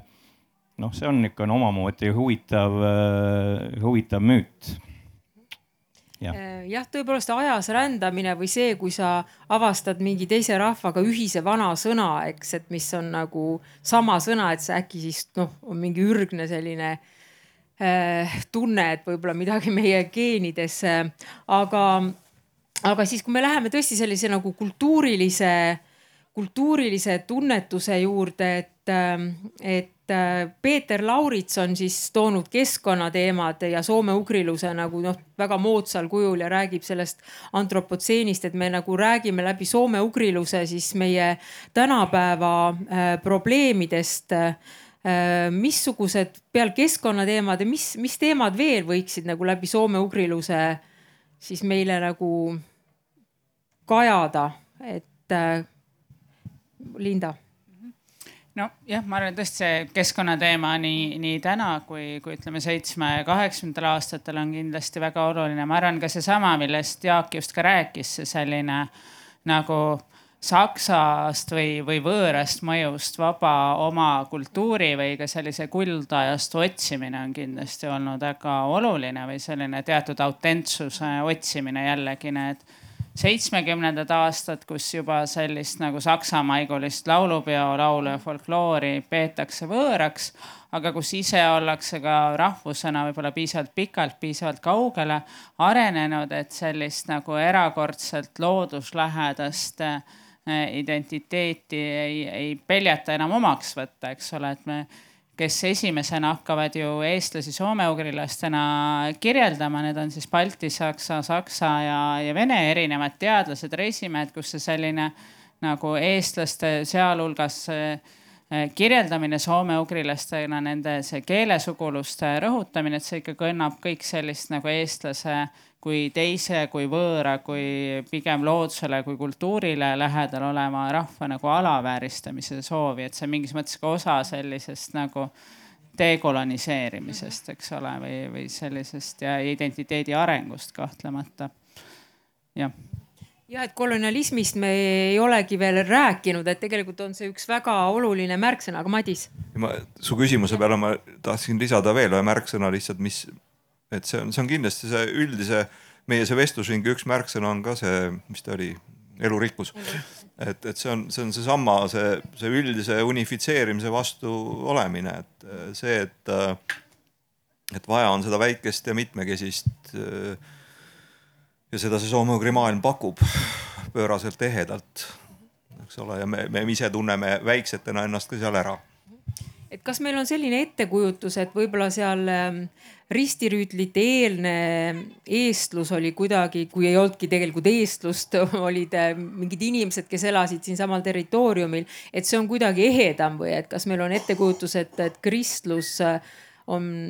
on, on siis midagi, mis äh, ei ole siis meie identiteedis nagu nii päris e, oma, et Madis, kuidas? Noh, kui me nii tahame mõelda, siis see on nii, et aga no jälle, see on see, mulle, mulle need välja mõeldud maailmad ausalt öelda ei ole nii huvitavad, aga okei okay,, räägime sellest siis. et ähm,, et kui me vaatame sinna, no see on see jälle, et kui, kui, kui räägi, rääkida soomlastest ja karjalastest, eks ole, see on hea näide, et soomlaste jaoks see karjal oli see soome-ugrilase ressurss või oli ja on mingis mõttes kogu see karjalanism ja see, see puhas ja ilus maa ja siis, kui sada aastat tagasi Soome intelligendid äh, seda teemat seal käsitlesid, üles võttisid WC uurijad, siis noh, kristlus oli seal üks või eriti õigeusklik kristlus oli seal üks noh, täiesti vale asi, võõras asi küljes. jälle kuurida, ma ei tea, Karjala ja idapoolsete Läänemere Soome, soomlaste rahvakultuuri, siis noh, saad kohe aru, et see rahvapärane õigeusk on seal väga noh orgaaniliselt sees ja, ja kui see ära võtta, siis ma ei tea, mis, mis järgi jääks täpselt, et äh, aga kuna meie kui eestlaste suhe hoopis teistel ajaloolistel põhjustel või kujunemispõhjustel kristlusega on äh, sootuks teistsugune, siis, äh, siis muidugi võib juhtuda see, et me, me pakume või, või kujutleme äh, kristlust äh, kui midagi, siis äh, noh, ajalooliselt on muidugi on äh, teatud hetkel siia jõudnud või toodud, selge see, eks ole, aga nojah, folkloristikas on ka see niisugune suur probleem, et kas, kas see on nagu välja puhastatav kuidagimoodi või mitte, on uurijaid, kes arvavad, et jah, on ja, ja teised, kes, kes, et see on nii, nii orgaaniline osa juba ka Eesti rahvakultuurist, et siin ei ole nagu noh, põhjust sellega kuidagi valusalt tegeleda et, et see on noh, tõenäoliselt on üks omaette põnev teema, et kas on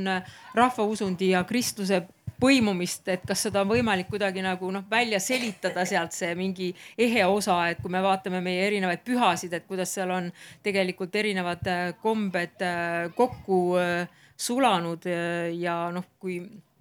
ma jälgin näiteks Ahto Kaasikut Facebookis, et noh, ma nagu naudinguga loen seda, kui ta, kui ta räägib mingitest pööripäevadest nagu hoopis siis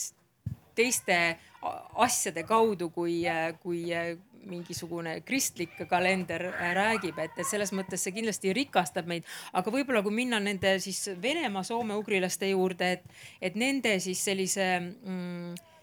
äh, religioosse mm, teadvuse äh, läbipõimunu õigeusuga, et, et kui, mida selle kohta võiks öelda, et kuidas me selle nagu,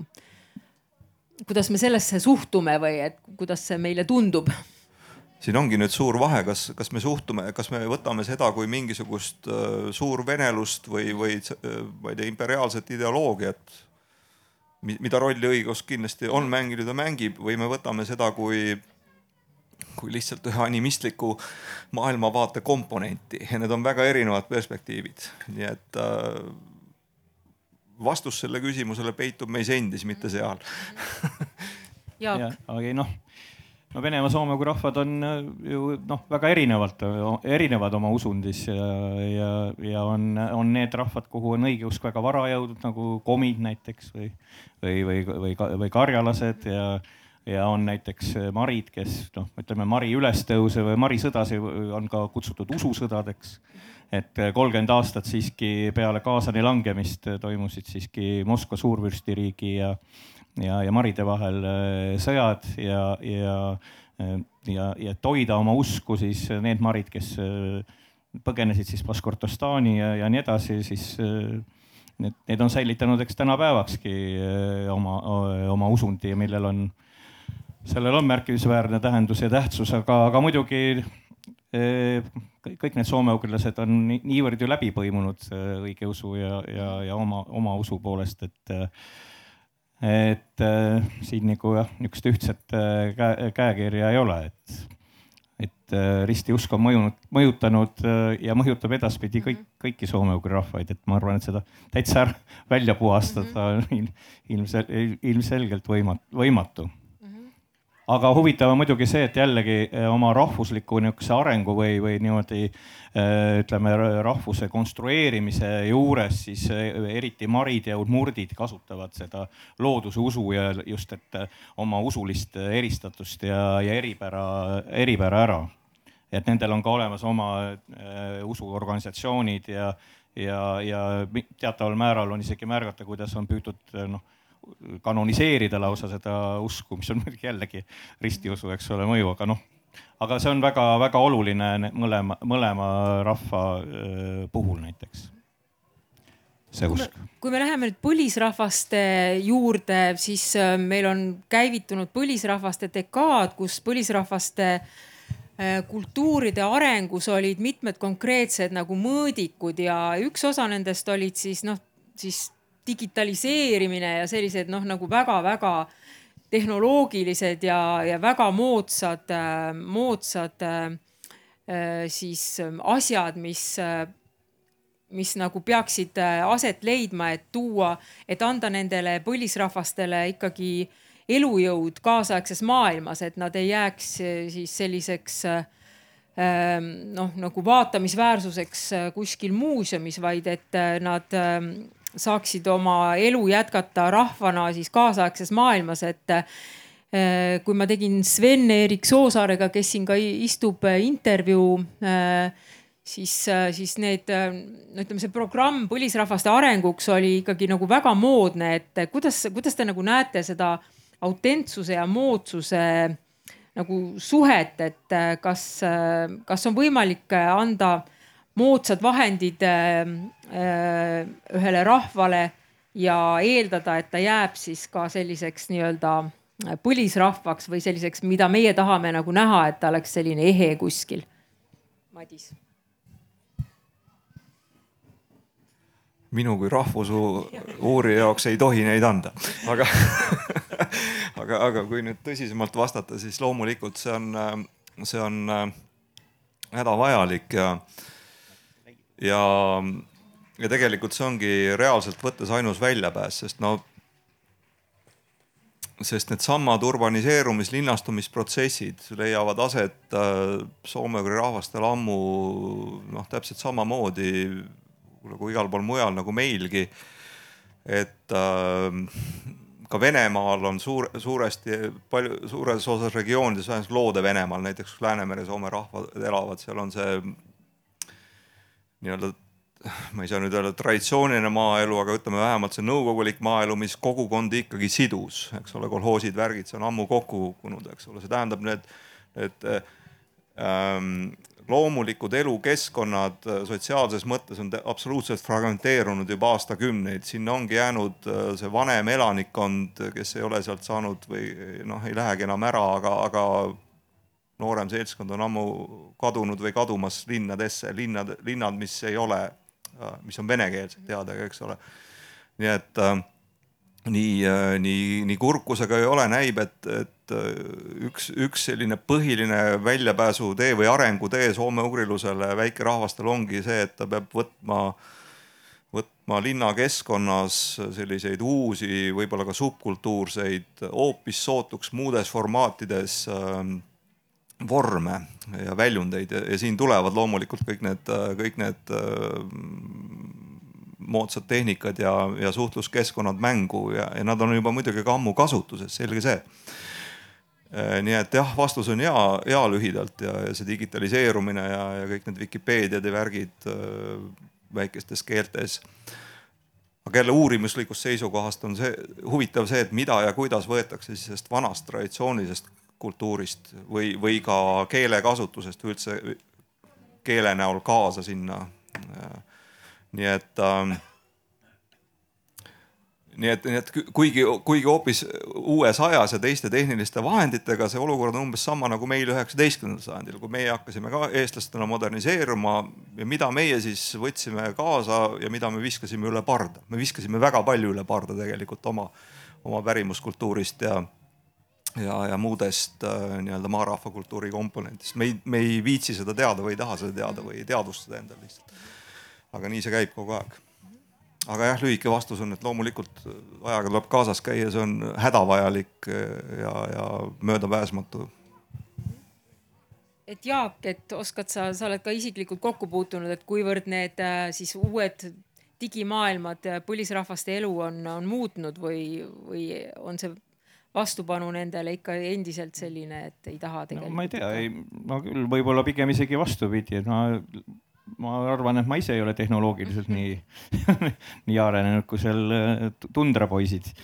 et äh, kes kasutavad igasuguseid äh, kaasaegseid tehnoloogilisi vidinaid, et oma elu mugavamaks teha. Et tegelikult noh, muidugi peab, peavad soome-ugri rahvad minema kaasa nende muudatustega, mida, mida siis maailm pakub, aga noh, küsimus on muidugi nendes pro proportsioonides et äh, kui, kui on liiga äkki ja liiga suured muudatused, siis võivad need muudatused tekitada seda, et nad pühivad need soome-ugri rahvad lihtsalt koos selle keelega minema. et see on üks selline, kuidas äh, soome-ugri keeled äh, suudaksid tänapäevases maailmas toimetada ja, ja, ja toimida, et see on, see on üks tohutu võtme, võtmeküsimus et, et seda peab nagu silmas pidama mida rohkem on igasuguseid kultuurilisi eriilminguid, erinevaid elu, elukohti, elutingimusi ja nii-öelda sihukest mitmekesisust, see tuleb Soome, soome-ugrilastele ainult kasuks. Et nii, et seda, seda meelt ma olen küll aga miks meile see elurikkus üldse oluline on, et me jõudsime, kui me ette valmistasime seda debatti, et elurikkus võiks olla üks märksõna, et miks see kultuuriline elurikkus äh, üldse on oluline? et Raivo. kui me no, funktsioneerime jah. nagu hästi selles raudpuuris ja oleme efektiivsed. jah, et, et see kõigepealt äh, esit-, tekitab küsimus, et, et mis on kultuur. et kultuur on keskkonnaga kohanemise viis. et kultuur ei ole midagi nii-öelda eraldiseisvat, kultuur ei asu kuskil, kus kuskil elevandiluu tornis, et ta on meie elu osa, ta on keskkonnaga kohanemise viis. Ja keskkonnaga kohanemine on edukam siis, kui sul on võimalusi rohkem et see on looduses nii ja see on ka ühiskonnas nii. et, et selles mõttes soome-ugrilus on üks meie keskkonnaga kohanemise viise. aga meil on mõned, üks viis minutit veel aega, et kas on mõni küsimus, et Tõnu Seilental. Meil on see mikrofon, on see roheline kuubik.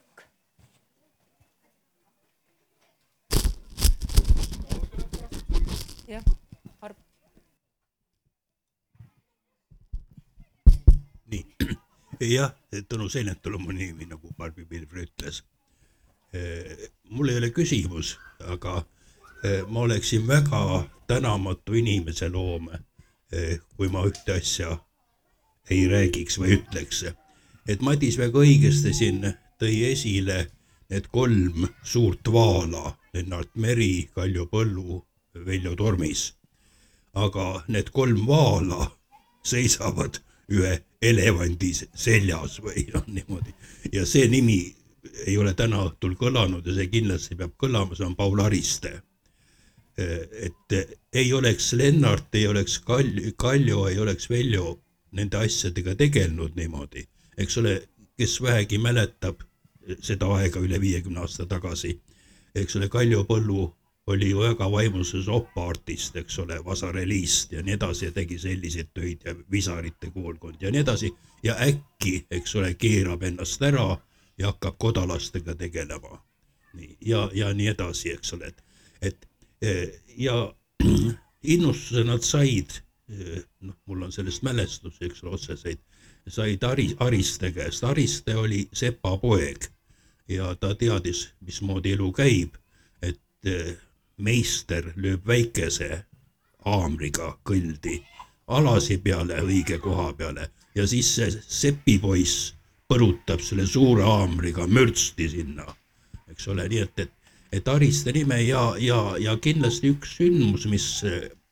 noh, Ariste nimega seostub ja, ja mis oli väga oluline ka noh, rahvale näha, et, et see soomugri värk on oluline ja noh, nii-öelda põnev see oli tuhat üheksasaja seitsmekümnenda aasta kolmas Fenno-Kristika kongress. sest noh, seda aega mäletades, eks ole, kuuskümmend viis suvel oli hakanud kaks korda nädalas, eks ole, Helsingist laev käima, et, et mõned, mõned sajad soomlased Tallinna peale. Tartu, nagu teate, oli, eks ole, kinnine linn, kuhu sai ainult kolmapäeviti toodi gruppe üks bussitäis, eks ole, kolmkümmend kaheksa, maksimaalselt kolmkümmend kaheksa turisti eks ole, hiljemalt kell kuus pidi olema grupp Tartust lahkunud ja nii edasi, eks ole. ja nüüd selle kongressi ajal, eks ole, noh, oli siis mingisugune noh, viiesaja ringis, eks ole, välismaalasi. Ma ei tea, palju neid busse oli, eks ole, kui kõik see, kõik tulid, sõitsid Tartusse, oli, kui oli see ekskursioonipäev Tartusse. et, et see näitas ja, ja noh, mulle see väljend ka ei meeldinud, siin oli juttu, et et see seitsmekümnenda aastat, see oleks olnud nagu vastupanu liikumine. ei, see ei olnud ju keelatud üldse, see oli ju selle, selle nii-öelda, see käis ju kokku, see oli noh, kuidas me ütleme, munade peal kõndimine, eks ole, seda küll, ole, ja aga, aga mitte see ei olnud vastuolus, sest see oli nii-öelda riigi poolt toetatud, see oli see, mida nime, mida nimetati, eks ole äh,, sisult rahvuslik, vormilt ei, ei vastupidi ja, ja, ja sisult sotsialistlik, vormilt rahvuslik, eks ole. et see oli vormilt rahvuslik, seda oli lubatud, eks ole. no loomulikult pidi mingisuguse tegema, eks ole, noh, Viiakati oskab öelda, mis selle tormise teose pealkiri on, Lenini sõnad või mis, eks ole, mis ta lau-, kirjutas, aga selle kõrval, eks ole, tormise teosed kõik olid ju, neid ju esitati kohe ja nii edasi ja, ja, ja said ja said tunnustusosaliseks nii et, et jah, et, et Ariste nime ma tahtsin, tahtsin siia ära, ära tuua, et, et, et jäägu see ka kõlama. jah, aitäh tõepoolest Paul Aristele siis äh, tänud äh, talle sinna teispoolsusesse ja Arp Müller. tere, Arp Müller Vikerraadiost olen mina, et väga huvitav oli, aga kui ma lugesin selle arutelu tutvustust, siis selle kõige viimane lause oli vaetakse hõimurahvaste koostöövõimalusi muutunud geopoliitilises reaalsuses. et sellest nüüd küll ei jõudnud rääkida, et ma ei tea, mis me teeme, üks minut on arutelu lõpuni. ei tea, või ma kutsun äkki Jaak Prootsese Vikerraadiosse sellele viimasele küsimusele vastama ja seda plokki siis kajastama või, või, või mis me teeme? mind oleks see väga huvitanud, et mis no,, mis saab nüüd edasi? Ma arvan, et paari sõnaga jõuab sellest rääkida, et mul oli see plaanis, aga samas on, on see jah, Jaak, räägi ise. Äkki, äkki sa kordaksid veel seda küsimust seal, mida sa sealt täpselt ette lugesid vabandust. koostöö uues geopoliitilises olukorras. olukorras, mis need koostöövõimalused on? nojah, no tõepoolest äh, sellele küsimusele ongi väga raske vastata, kuna maailm on praegu pidevas ju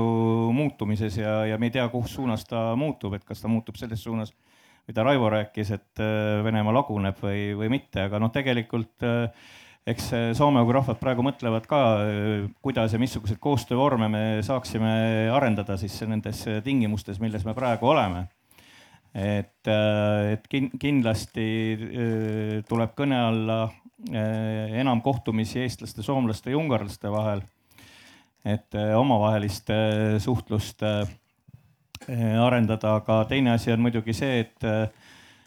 et, et äkki paremini saaks ära kasutada interneti võimalusi, erinevaid haridusplatvorme, et, eh, et eh, sihukest virtuaalset soome-ugri rahvaste koostööd saaks arendada, mingeid muid võimalusi ma praegu väga palju, väga palju ei näe ja ei julge ka väga palju ette, ette ennustada, sest et kõik sõltub ikkagi sellest, mis siin praegu, mis siin praegu toimumas on. Aga, aga muidugi tuleb ka noh, mis puudutab näiteks teadust ja nii edasi, et äh, Venemaal on ju näha, äh, kuhu suunas siiski praegu need äh, teadus, teadus suundub, et teadusliku mõttevabadus, no Venemaal on asjad sellest ikkagi väga-väga kaugel et ma arvan, et äh, võib-olla Tartu Ülikooli ja meie teistegi kõrgkoolide nagu selline roll äh, võib siin olla üsna märkimisväärne, et pakkuda niisugust äh, vaba, vaba teadusmõtte arengut. Et, et see, et ajalugu ei oleks ainult kasvatusteadus, millest praegu Venemaal armastatakse näiteks rääkida, aga ka Eestis tegeletakse ju ka ikkagi ka soome kui rahvaste ajalooga ühes või teises võtmes et need oleksid nagu märksõnad, ma arvan, et võib-olla siin tuleb veel teisigi. jah, võib-olla laiemalt mõeldes, et noh, on ikka kaks teed, et äh, kas, kas jätkata koostööd või mitte jätkata koostööd üleüldse, eks ole. ja kui me, kui me leiame, et poliitilisel põhjustel me ei tee mingit koostööd, siis see on täpselt see, mida Venemaa on ammu tahtnud. eks ole, et see soome-ugri liikumine oleks ka sihuke kahekäiguline, et umbes tehke siin oma, oma soome-ugrit ja meil on see päris või noh, nii nagu meie tahame ja, ja see on küll üsna kehv lahendus ausalt öelda. nii et äh,, nii et kindlasti äh, koostöös äh, kõik need platvormid äh, üha, üha need uued moodsad, eks ole, mis on juba muidugi koroona ajal järjest paremini ka sisse töötatud, tulevad kõne alla ja, ja peavad areneda saama, aga, aga noh võib-olla siin jutus ei ole hästi välja tulnud, aga, aga tegelikult äh, noh, see soome-ugri liikumine peab olema või tema, tema nagu jõud on selles, et ta, ta on selle suure poliitika nii palju kui võimalik selle kõrvaline et, et see on see, need on need otsekontaktid, see ei ole ennast lollitada laskmine nii, nii siin kui seal sellest, sellest suurest, suurest, suurte, suurte juhtide ja õpetajate poolt ehk siis ehk siis maailmapoliitikaga, sest sellega pole mõtet soome-ugri rahvastel võidu joosta, eks ole mm. -hmm et, et meie jutust ka see soome-ugri värk on kogu aeg olnud see teisene, teistsugune mingis mõttes ja, ja noh, elus püsimiseks ta vist sinna peab ka jääma või sellisena et meil oli siis Tõnu Seilental ja Annele Valgeniemi ka.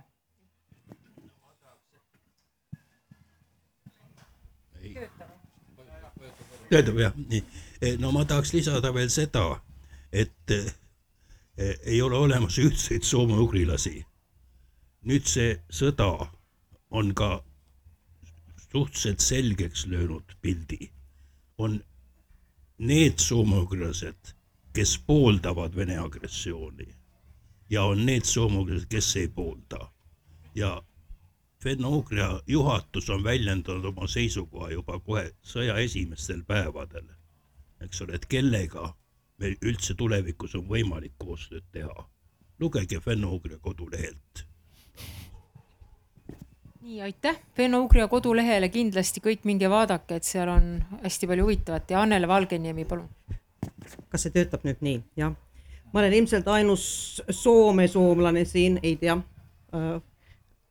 aga tooksin, tooksin võib-olla selle geopoliitilisele küsimusele ka ühe aspekti juurde, et minu arust just nüüd ja praegu Soome ja Eesti peaks leidma teineteise Soome-Ugri koostööpartneritena.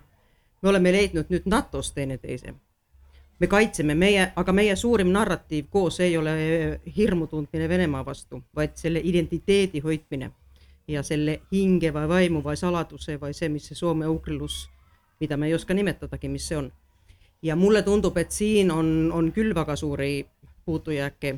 ja üks oluline aspekt on see, et mis te räägite siin, et miks soomlased suhtuvad tai kuidas soomlased suhtuvad soome-ugrilusse üks aspekt juurde on see, et soometumine tegi väga palju kahju. soometumise ajal meil oli, see oli nagu üldjoontes, no ma nüüd reljeefselt ütlen, keelatud mõelda teistele soome-ugrilastele, kuna oli suur, ilus Venemaa, kusjuures oli ka, seal oli ka Eesti, nii et ei olnud muud kui Nõukogude Liit. ja see oli, see oli kuidagi, see oli sellist nagu separatismi või, või tembeldatud äärmus äh, paremäärmusluseks või fašismiks äh, või natsismiks isegi väga kaugelt, et see korrumpeeriti ja see ei tulnud tagasi kunagi. see ei tulnud ka tagasi siis, kui, kui me vabanesime või Nõukogude Liit lagunes ja selleks ma ka usu sellesse, et Karjala tagasi me enam tahaks. see on, see on lihtsalt nagu mõeldud kaotatuks alaks. et see tegi nii palju kahju, see soometumise aeg, aga nüüd siin geopoliitilises äh, olukorras me tõesti peaksime kokku hoidma palju rohkem, mitte ainult NATO-s, vaid identiteedis, meie keele, keele küsimustes. kuidas seda teha, see ongi siis täitsa teine küsimus, aitäh. nii, aga suur aitäh. Äh, meie aeg on kahjuks läbi. Meil on võimalik siis isiklikult veel esitada küsimusi ekspertidele. mina tänan Raivo Vetik, Linda Kaljundi Jaak Prooses, Madis Arukask, suur aitäh selle debati eest, suur aitäh Tõnu Seilentalile ja teistele, kes esitasid äh, küsimusi ja hoiame siis äh, oma hämarat äh, poolt ka elus